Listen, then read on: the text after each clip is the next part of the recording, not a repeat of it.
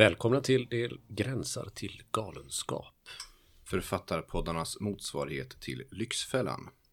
Jag heter Jessica Schiefauer. Jag heter Elin Bordy. Jag heter Mattias Hagberg. Och jag heter Martin Engberg. Alltså, Jessica, Elin, Mattias. Vad har ni för problem egentligen?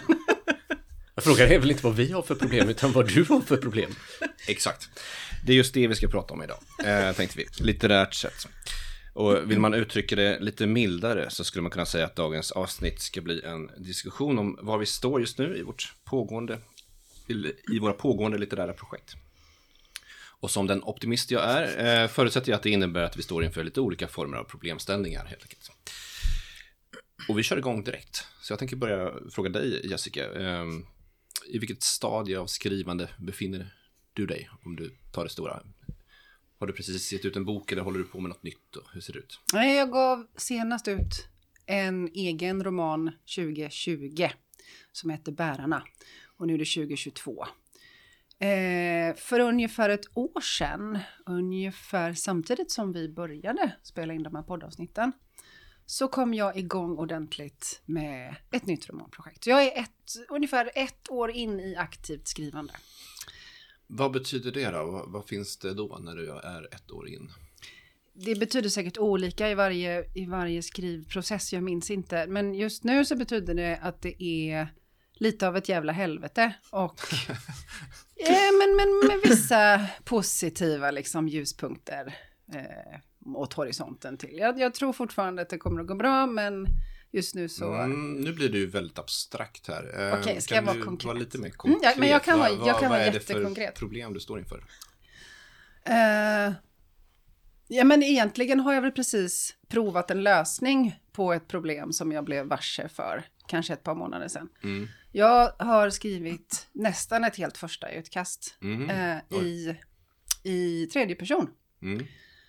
Uh, och någonstans i början av arbetet så hade jag teatern och scenen som någon sorts förebild eller längtan när jag skrev. Mm. Och sen så fick jag uh, delar av det här läst och då fick jag en kritik som var alldeles rimlig. Fast först blev jag naturligtvis jättesur, för det blir man alltid, eller jag blev det i alla fall.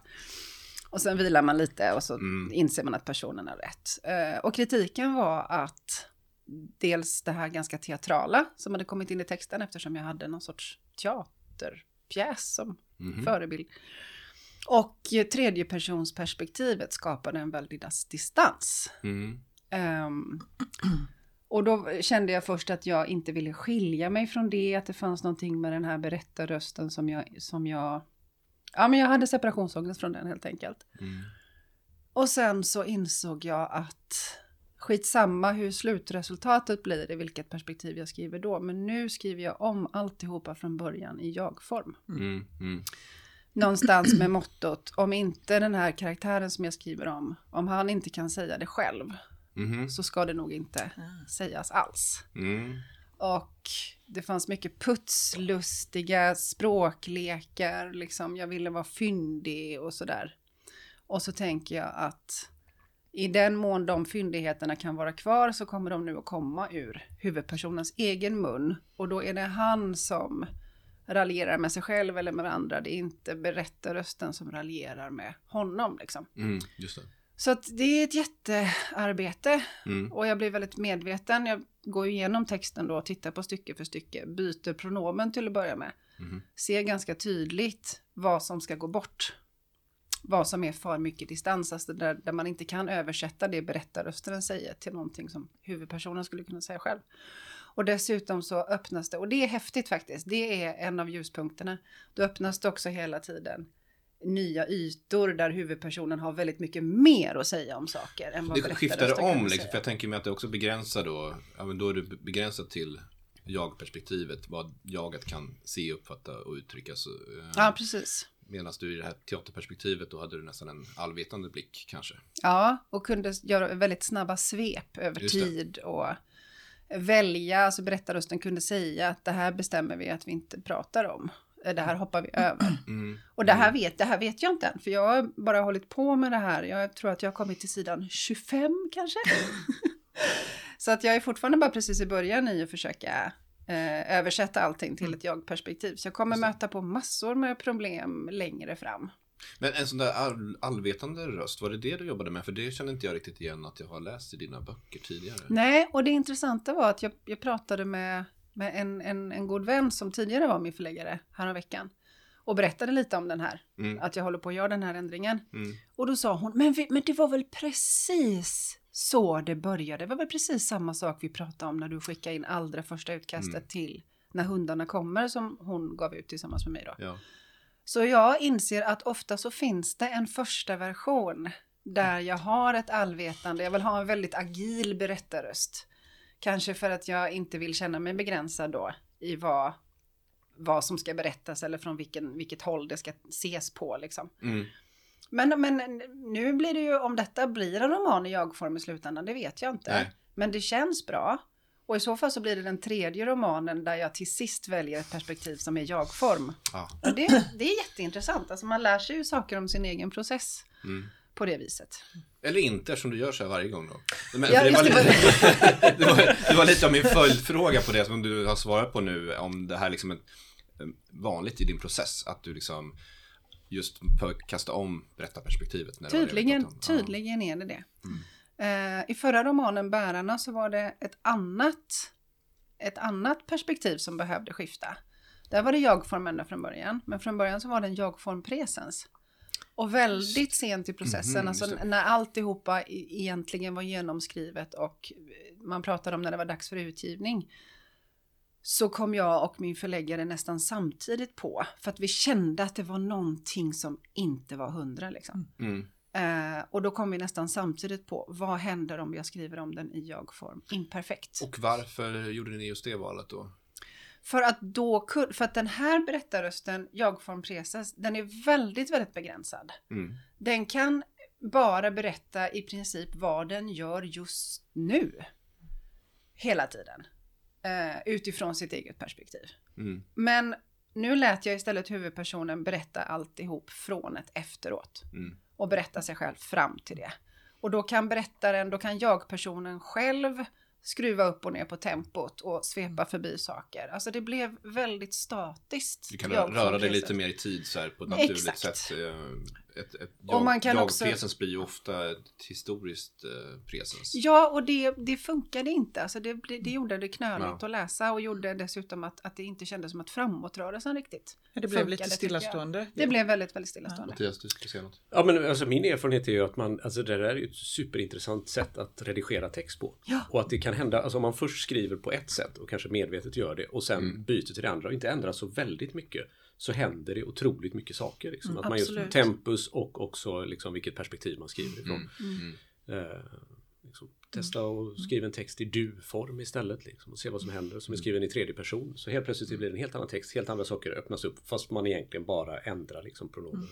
Ja, Ja, vara Berättarperspektivet väldigt är ju väldigt grundläggande liksom. Mm. Men det är också väldigt lätt att ändra. Ja, eh, På många sätt liksom. Och, så, och så kan det faktiskt också hända någonting om man har haft ett annat berättarperspektiv från början och så nästan behåller det fast byter. Liksom. Mm. Mm. En, en sista fråga innan vi går vidare till nästa person. Så tänkte jag bara, är det någonting i det, din, ditt arbete just nu som, eh, som är nytt som du gör för första gången? Liksom?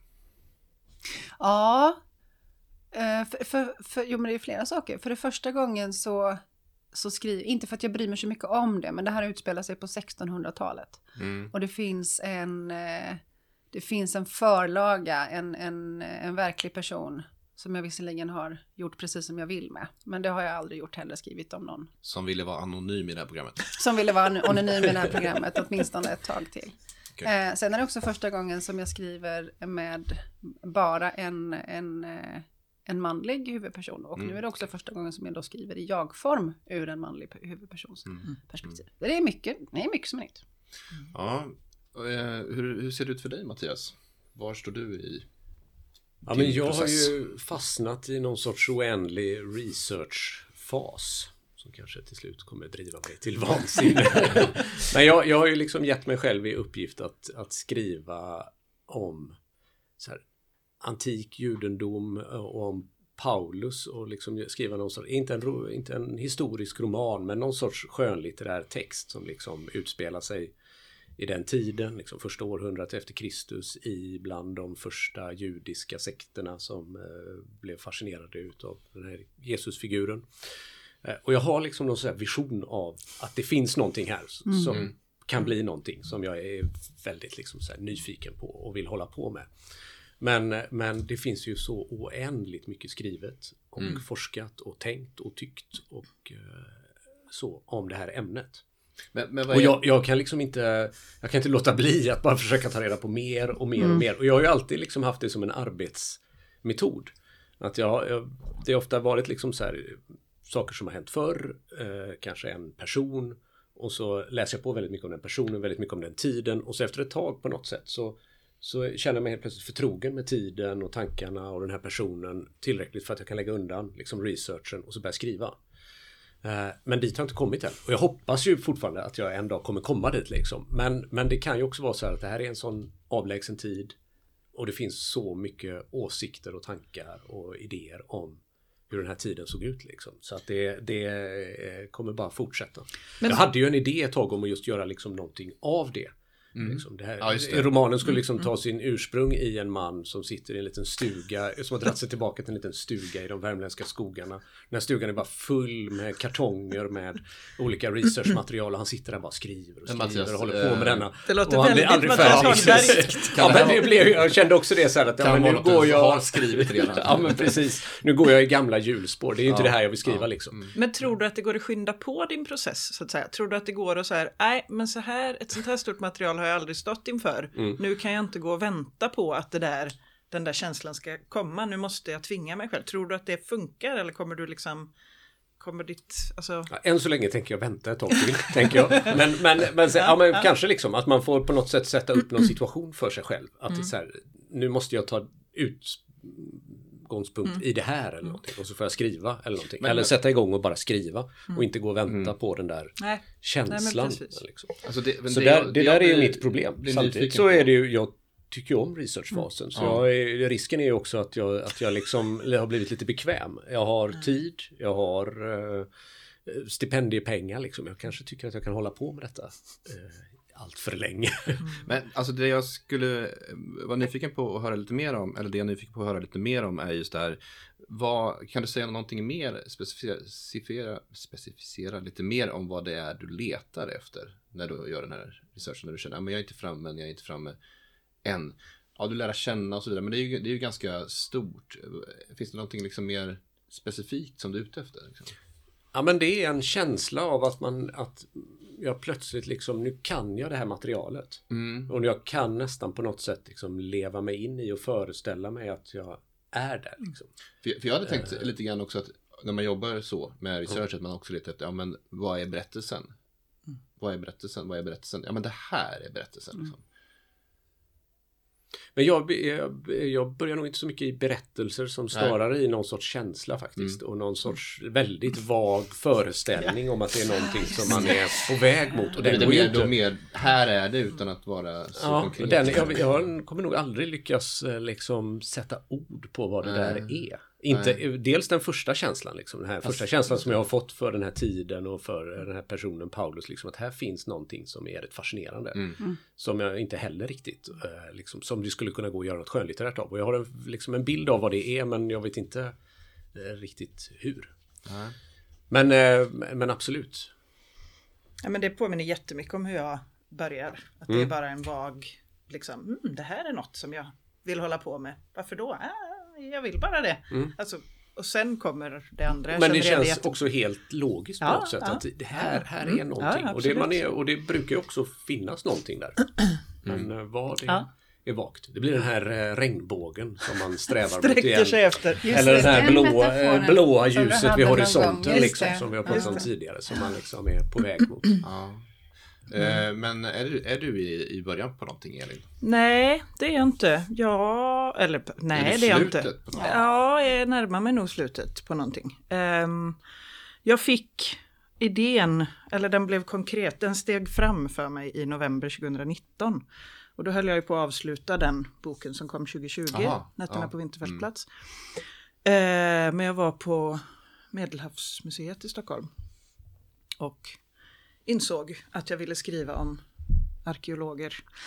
Eh, och så det håller jag på med nu. Och jag har skickat det till min förläggare och fått respons. Jessica har läst det tre gånger. Det stämmer ja. Jag håller på och skriver om slutet igen. Jag tror så här att mitt mm. problem med ja. just det här manuset ja. det är att jag inte vågar lita på att platsen och relationerna i sig har nog med sprängkraft. För mm. varje gång Jessica har läst, tre gånger, så har vi tagit bort tillsammans ett stort plottelement som jag har stoppat in. Så bort med det och så skrivit en ny version och så har du läst och så, ja, nej men det här, bort med det. Mm. Och så har jag skrivit om och så har du läst och nu läste du och min förläggare. Eh, och nu har jag kanske förhoppningsvis för sista gången då klippt bort ett skitstort utifrån kommande liksom, grej som jag har tänkt på något sätt behövs oh, oh. i slutet mm. av den här texten. Är det att du inte litar på materialet? Ja, litar nog inte på det som redan finns. Ah. Det är nog spännande. Ah, okay. ah. Jag har tänkt på något sätt, eller tänkt och tänkt, lite omedvetet tänkt, att jag måste ha in mer dramatik, mm. mer drama. Så, och det måste flätas in i varandra, men det blir för mycket. Det Åh, vilken ångest mycket. jag får nu, jag håller på sådär hela tiden själv. uh, nej men så, så att, och nu när jag har klippt bort det som kom in, ja nu är det kanske 190 sidor då. Uh, jag var också ganska länge, det är ett annat problem, jag var också ganska länge lite för fixerad på att det här skulle bli en kort roman. Aha. Sidmässigt. Ja. Det. det. här skulle bli den svettiga tunnisen eftersom ja. Vinterfältplats är liksom äh, fett fetto. Ursäkta för icke... Alltså jag vet inte om man får förolämpa Nej jag vet inte om man får säga så. Men jag förolämpar min bok. Den, den är ju väldigt, det är mycket tid som går och det är många sidor. Mm. Och så kände jag, Åh, det här vill jag inte göra nu. Nu vill Nej. jag ha något som liksom är hett och snabbt och liksom kort och så. Uh, och då var, blev jag liksom också för fixerad vid att hålla sidantalet kort, vilket gjorde att jag skyndade på slutet. Aha, ja, ja, ja, okay. Och det i kombination med att det kom in dramatik som inte behövdes tog liksom helt andan ur det som finns. Det. Som jag nu mm. mm. tror, peppar peppar, att jag har fått syn på eller att jag ser tydligt. Och liksom måste eh, ja, men jobba fram, ge, ge, låta blomma ut, få sin fulla potential och så får jag skita i om det blir, liksom, hur många sidor det blir. Det är inte det intressanta, det är ju verkligen inte det. Um, men, men sådär jag har liksom Men, men eh, hur eh, lik är den här processen dina tidigare processer? Får du, alltså, det lät som att du säger, mm. ja men nu fick jag, eh, nu vill jag skriva om det här eh, och att då satte du igång på det liksom. Mm. Eh, håller du aldrig på liksom och funderar fram och tillbaka, ska jag skriva om det här eller här? Utan jo, det, det kommer saker. Nej då, nej jag funderar nog lite fram och tillbaka och, och det där med att skriva om arkeologer, det har jag nog tänkt. Eh, fast inte formulerat det. Jag eh, hade kanske föreställt mig också att det var Egypten, men detta är Grekland. Okay. Eh, men det var som att, och det var väldigt häftigt och lite annorlunda än de tidigare processerna, att jag satt där på museet och bara så här, puff, att idén vecklade ut sig framför mig medan jag satt och funderade. Ja, men det kan innehålla detta och detta mm. och detta och detta. Och jättemycket av det som jag fortfarande har mm. fanns där i det första. Liksom. Eh, och riktigt så har det inte sett ut. Detta var lite mindre av det här som du pratar om Mattias, att jag bara har en vag känsla. Åh, medeltidens Europa, digerdöden. Ja, det var ju den första idén. Jag släpper ner en person här och låter den gå omkring. Mm. Och så gjorde jag det och så bara, uh, liksom. Eh, här hade jag lite mer koll på vad det skulle innehålla, vilket har varit ganska skönt. Men det var också något som jag ville eftersom processen med nätterna på Vinterfällplats var så himla lång och kändes så vilsen och snårig och det var så många personer och många platser och flera år som gick och vad är fokus och hur ska jag få fram mm, det och liksom. Mm, mm. Och här var jag lite mer så här, men jag, vänt, jag, jag, håller mig lite nu och försöker tänka ut lite vad det ska handla om ja, innan jag ja, börjar skriva och det, så det brukar jag nytt. inte göra. Det var lite nytt. Ja. Lite nytt. Men, men då har du gjort, eh, då har du inte gjort som Mattias att du har gjort all research innan utan Nej. du har gjort det parallellt. Ja, jag gör det parallellt, ja precis. Mm. Vad är det jag behöver veta? Liksom. Eh, och vad vill jag läsa om och vad är, alltså sen har jag ju velat bli arkeolog sedan jag var barn. Så att det var ju inte ett oävet ämne att, att hålla på och läsa om. Liksom. Nej, nej, mm, just det. Mm. Men eh, ja, så där är jag. Mm. Men Martin, vad har du för problem? Tack, vad har jag, tänkte... inte för problem? jag, klämde, jag klämde på den frågan. Ja, eh, Ja, jag vet inte. Just nu så är jag inne i ett mindre problematiskt eh, skrivande tycker jag för tillfället. Eh, jag eh, ehm, har kommit igång med ett projekt som höll på med en tid eh, och jag har bestämt att jag, den första tredjedelen ska jag liksom inte röra för tillfället för jag tycker att det har riktning och så här. Det här är på väg någonstans och så är min plan just nu. Eh, att jag ska jobba ihop fram det här i, i, i helt enkelt. Liksom. Mm. Eh, för att liksom just få lite mer styrsel på berättandet och liksom eh, eh, inte dra iväg åt galet håll och så här. Um, så där är väl nu. Mm. Följdfråga. Mm. Eh, delar du upp Delar du upp liksom texten när du säger sen nu ska jag, ha, nu ska jag jobba i tre, i tre mm. tredjedelar. Delar du upp texten då och, och säger och skriver liksom så, så länge i ditt dokument del 1, del 2, mm. del 3. Jag har också alltid en fas när jag gör det. Ja. Och det är alltid del 1 och del 2 eller del 1, 2 och 3. Ja. Mm. Och det kommer efter, ja men när man, när man liksom har kanske hållit på med någonting ett, ett och ett halvt år, liksom mm -hmm, någonting mm -hmm. sånt. Alltid så gör jag det. Ibland försvinner det, det till slutversionen. Säga att, och det är ingen bra idé. Nej, jag tycker det, för mig funkar det jättebra, för ja. jag får överblick. Ja. Och det, det sker väl antagligen någon form av vändpunkt eller någon form av lägesförändring mellan de här det klassiska tre delarna. delarna. Mm. Och då kan man jobba med varje del mera koncentrerat. Mm. Eh, nej, jag tycker, för ja, mig, jag tycker alltid att det, det hjälper alltid mig. Mm.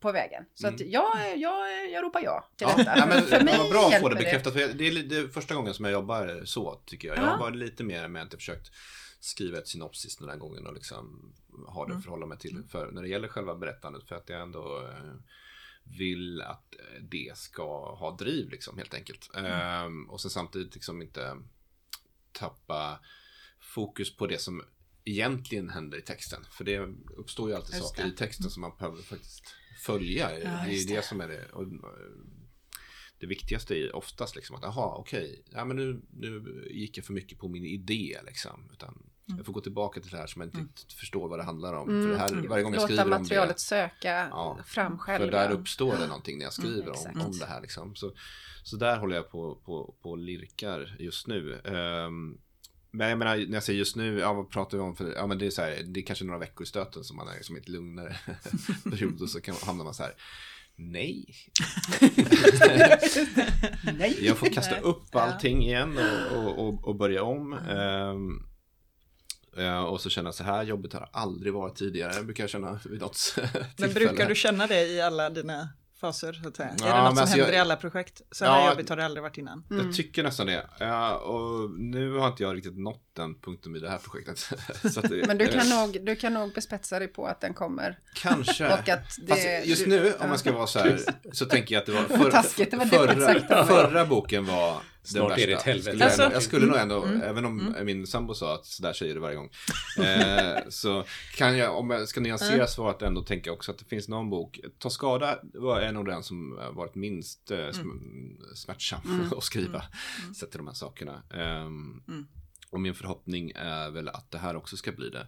Men jag tycker, mitt, mitt grundproblem är liksom så här, ofta att jag tycker att jag drar igång lite för tidigt med grejer. Jaha. Eh, det där med att nu placerar jag bara en person här ja. och ser vad som händer. Ja, ja. Mm. Eh, så bara, fan gjorde jag det för?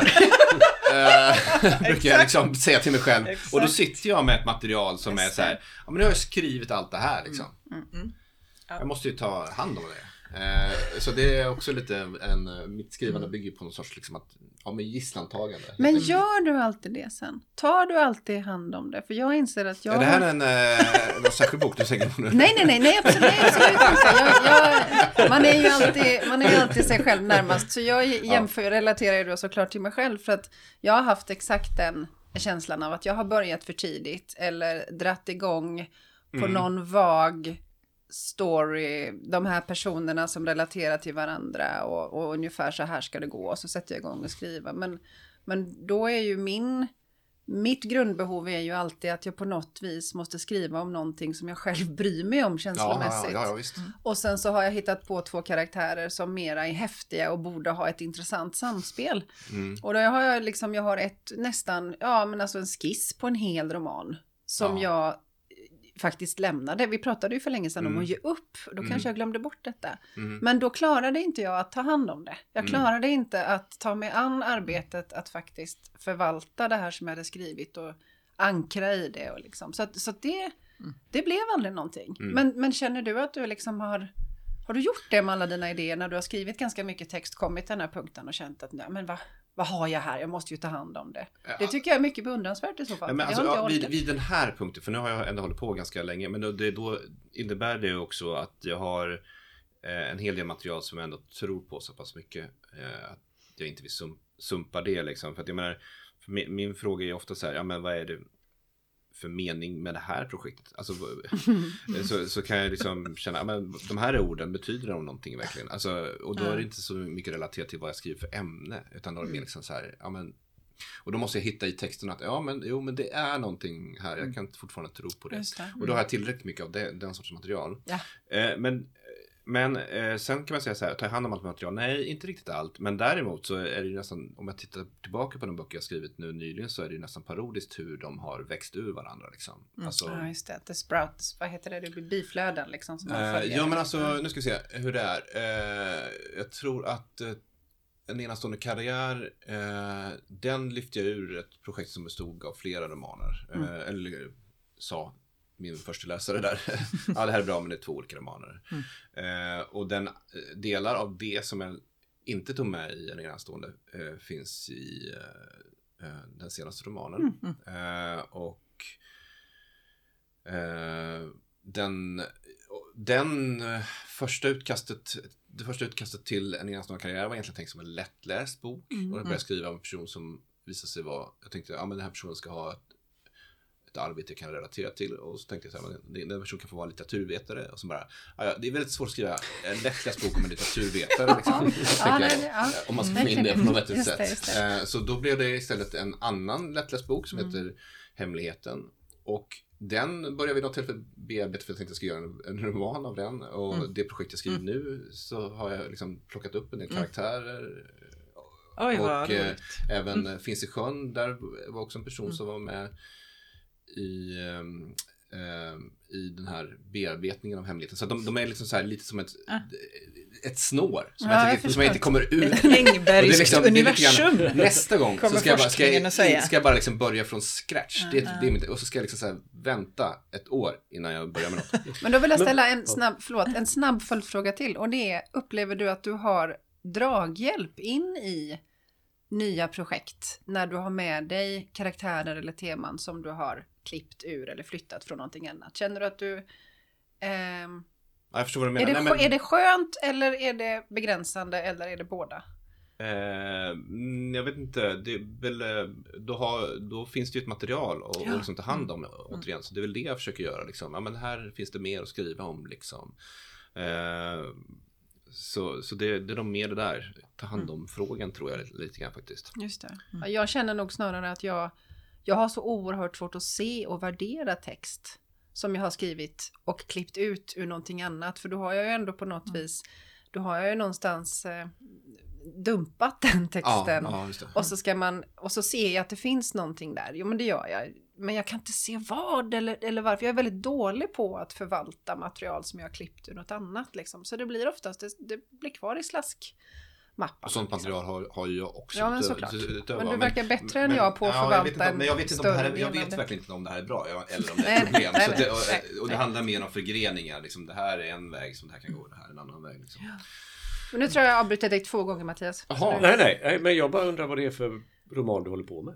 Ja, det kan man Den, undra. den vill vara anonym. Den det är vill vara anonym. alltså. Vad sa du? Är den anonym? Nej, jag vet inte. Det Den är också. bara så svårt att beskriva. vad Men är den också, på för här har vi Jessica Men 1600-tal om du och så är det arkeologer där på Ja. Ja, 1930, ja. 30-talet och så är vi Eh. antiken hos mig. Är du också i historien? Eller Nej, är jag, det jag är i samtiden? Helt i Eh, samtiden, inte ja. ens i 80-talet eller något sånt där. Nej, det är Nej. post-covid skulle jag säga. Post-covid. Eh, Fyra stycken Så poddare. Fyra poddare. Ja. En blir mördad. Alla har motiv. Det kommer heta fel fråga. tror Martin försöker säga att han inte har lust att prata om hans nuvarande roman. bara. Bara känsla. Nej, jag vet, det är mest skrock. På ett sätt kan det vara bra att prata om sitt projekt för då får man formulera det och höra hur dumt det låter. Men, men det är väl också Men det inte som är risken att man tappar Nej, sig. men Det är jag, du, man får absolut Eh, vara anonym. Jag tycker det är viktigt att eh, vårda den Men jag, jag kan säga så här mycket, eh, att det, just nu är arbeta, arbetstiteln Snickaren som blev vegan. Åh, Så gud kan vad roligt. kan ni suga på den lite Alltså grann. lövlig titel. Gud vad Ja. Vi får se om, om den, den håller ända in i mål. Vad heter den aldrig. hmm, hmm, som slutade bada? Bokhandlaren. Ja, just det. Bokhandlaren Ja. som slutade bara. Hundraåringen som klev ut genom fönstret och försvann. Du har genre här nu Men helt enkelt. Claesson har en också, stenhuggaren som gick Barfota. Mm. Underbart. Ja, det, okej. Du skriver in dig i en tradition här utan Ja. Men du ska vi inte prata mer om det, för då kommer du tänka på den traditionen. Min har arbetsnamnet Skärvorna. Och vad har din för arbetsnamn Mattias? Saul. Okej. Och din då?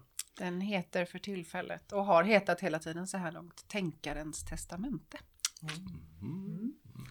Eh, Fyra väldigt Som olika. Pose tänker på sån här. Ja, ehm, Men brukar det bli de titlarna sen? just det. Eh, Din hette inte Skärvorna från början. nej, den hette, den hette ett Ekelöf-citat som var skärvor och viskningar och då sa Jessica, ja det är jättefint men ursäkta det låter som en Harlequin-roman.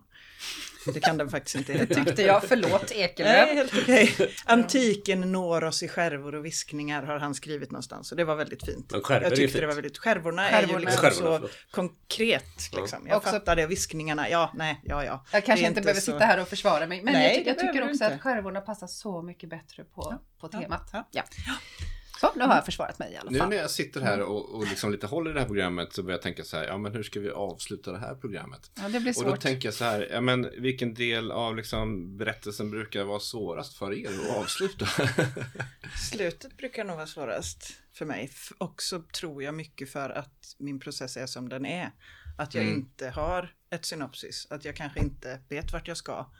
Utan jag skriver mig fram till det. Och då är det ju mycket både att se var jag hamnar och att bestämma mig för var jag ska lämna personerna. Mm. Det tror jag att man kan se. Den enda som inte hade det problemet inom citationstecken är den första boken som slutar med att hon blir förd till mentalsjukhus och dör där. Mm. Och det visste jag ju redan från början, det var ju hela utgångspunkten för skrivandet liksom. Mm. Eh, sen är det klart att jag hade kunnat lämna henne vid en annan punkt i hennes liv. Liksom. Mm, Men det om valet jag skulle gå göra. hela vägen med till slutet så var det ju, så fanns det där liksom. Ehm, men annars tror jag att man kan se ganska tydligt på mina böcker att jag har hittat en punkt där jag känner att det är okej att lämna dem, men det är ju väldigt öppna slut. Men då har du skrivit alla. dig fram till den punkten Ja. och ibland arbetat om berättelsen i en annan riktning också i slutet eller när du sa att du skrev Ja. om slut och så här. Ja, nej men alltså jag har ju skrivit mig fram till det.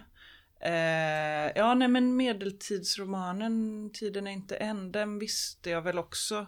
Eller kanske typ halvvägs in att jag säger just det, men hit ska hon. Mm. Där ska det sluta. Så. Men det var ju mer en plats och en sinnesstämning än en vad ska hända. Liksom.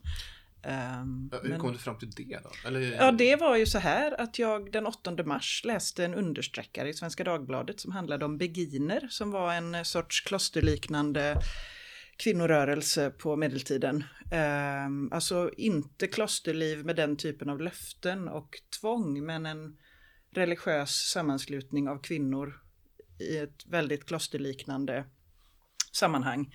Eh, som fanns mycket i Belgien, Holland, Tyskland. Och så tänkte jag, oj vad fantastiskt, varför har jag aldrig hört talas om det här innan? Gud vilken häftig liksom så här, kvinnofristad. Mm. Eh, hit måste hon ju komma. Och då hade du hållit på med bra. berättelsen? Ja, då var hon ju på vandring så att ja, säga. ja. Eh, och då var jag så här, "Mm, ja men det här, då kan hon liksom svänga, svänga vänster eller på. Nej men då kan hon liksom hamna där hos dem och det kommer att kännas som en sorts fristad eller så, möjlig, möjligt ljus i den här ganska mörka vandringen. Ja, vilket kul exempel. Och sen åkte Ja. vi till Amsterdam och besökte Ja, ett sånt vi var på Begin- Beginhof. Beginhof. Ja. Och eh, det var jättehäftigt. Har ni liknande exempel på där ni har hittat slutet så här under processen? Jessica och Mattias. Ja, Men slutet är ju svårt, helt klart. Det är nog det som är svårast. Man vill ju ibland bara göra en Stephen King. Allt liksom låta allt explodera och springa. Och liksom, ja men precis, sådär. Jag måste, jag måste få slut på det här liksom. Eh, Mm. Det är väldigt vanligt hos mellanstadieelever när man håller skrivarkurser att man har ett slut som är och sen blev det atomkrig och alla dog. Eller, sen, vaknade, sen vaknade han och det var bara en dröm. Exakt. Det är ju så Shakespeare löser alla sina pjäser också, alla dör liksom. Sort of. Ja. Exit. Men slutet är ju som sagt inte intressant heller. Det är aldrig, jag tänker att det är sällan slutet man kommer ihåg utav någonting. Liksom. Det är inte det som är det viktiga. Ah, gud Ja, vad spännande Jag tänk. Jag läst- att det är rätt, rätt viktigt med slutet. Alltså hur man går ur, alltså även om själva liksom händelserna i slutet kanske Ja. inte är viktiga, men hur man lämnar den där berättelsen tycker jag känns ganska så... Men inte, men inte kanske, men då är det kanske som Elin säger att man hittar en punkt där det bl- blir Man liksom, kan lämna. man kan lämna figurerna Ja, och, och mm. det man har byggt upp liksom med, med någon sorts Mm. eh, Och det, ära i Värdighet i behåll. Men Men, jag men att just liksom att få så här, trådarna att gå ihop eller något sånt där. Det, det känns ju ganska Ja, det ointressant. beror ju på vad man skriver för typ av Det är bok. klart. skriver ju inte du thrillers. Så att... Men jag läste Efterliv av eh, Nobelpristagaren Abdul Razak Gurna. Ja. Och den slutar så fantastiskt fint. Alltså bara, jag ska inte säga mitt i, för det är ju en sorts... Men, men den slutar på ett sätt som fick mig att tänka, oj, här sitter man och kämpar med sina slut och ska knyta ihop alla trådar och det ska liksom, Ja, det ska ja. vara... Men där, det är, bara bara, fanns det det är liksom. bara en stark mening och en stark... Eh, vad ska man säga? Känsla som återberättas Mm. av någon Mm. om någon annan. Mm. Och sen är det slut. Mm. Och det, och det, var, nej, det var otroligt speciellt faktiskt, måste jag säga. Eh, och det var verkligen en, en någon sorts aha-upplevelse kring slut. Så, ehm, hur, Sånt hur blir man man kan ju göra. lycklig av. Ja, Ja, det, det, känns som att det finns något släpptaget över det. Alltså, Ja, men så, här är det bra. Ja. Just det. Vad säger du Jessica om slut? Jag måste bara få säga att Ja. det man gärna lämna, eller jag skulle gärna lämna läsaren, eller vill lämna läsaren med en sorts förvirring också.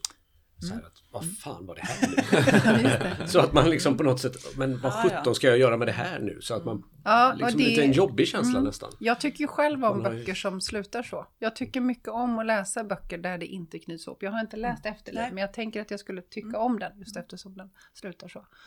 Eh, men det känns också lite ovanligt. Det känns som att många läsare blir frustrerade när det inte finns ett någorlunda tydligt avslut. Liksom. Nej, men jag försöker tänka efter och tänker att det finns två linjer i processerna. Det ena är eh, bo, till exempel boken När hundarna kommer och den som jag håller på med nu. Mm. Där har jag vetat från början hur det ska sluta. Det har Mm. liksom varit en del av själva grund, grundkonceptet eller grundönskan. Och då är det ju enklare utifrån att man inte behöver hitta på ett slut. Men däremot så kan jag få väldigt mycket prestationsångest över att slutet ska få all den kraft som jag vill att det ska ha. Eftersom jag har känt att det här är en berättelse som barkar mot någon sorts liksom, klimax så himla tydligt Mhm. hela tiden. Mm. Och det andra är ju där jag bara har skrivit rakt ut i intet och inte haft en aning om hur det ska sluta. Men pojkarna bygger väl också upp till något slags klimax ändå? Jo, det gör Det den. måste ta Och den har en typ av cirkel. Ja, Ja. men den cirkelrörelsen kom ju in väldigt sent Ja. i processen. Ja, ja, okej. Från början så var det ju inte alls tänkt att det skulle finnas en ramberättelse. Nej. Och det kan jag ju, det kan jag ju avslöja att eh, det har jag tagit till nu också. Nu har jag en huvudperson som sitter och skriver. Vad var det du sa? Har dragit sig undan till en stuga och det bara Ja. finns en massa rester och papper och grejer. Precis, Men visst precis är det något så romantiskt med det? Som inte går att komma ifrån Ja, nästan. där sitter nu, och man, man vet, man får veta redan i första i, öppnings, eh, i öppningsstycket att den här personen som har skrivit detta är, är, är död.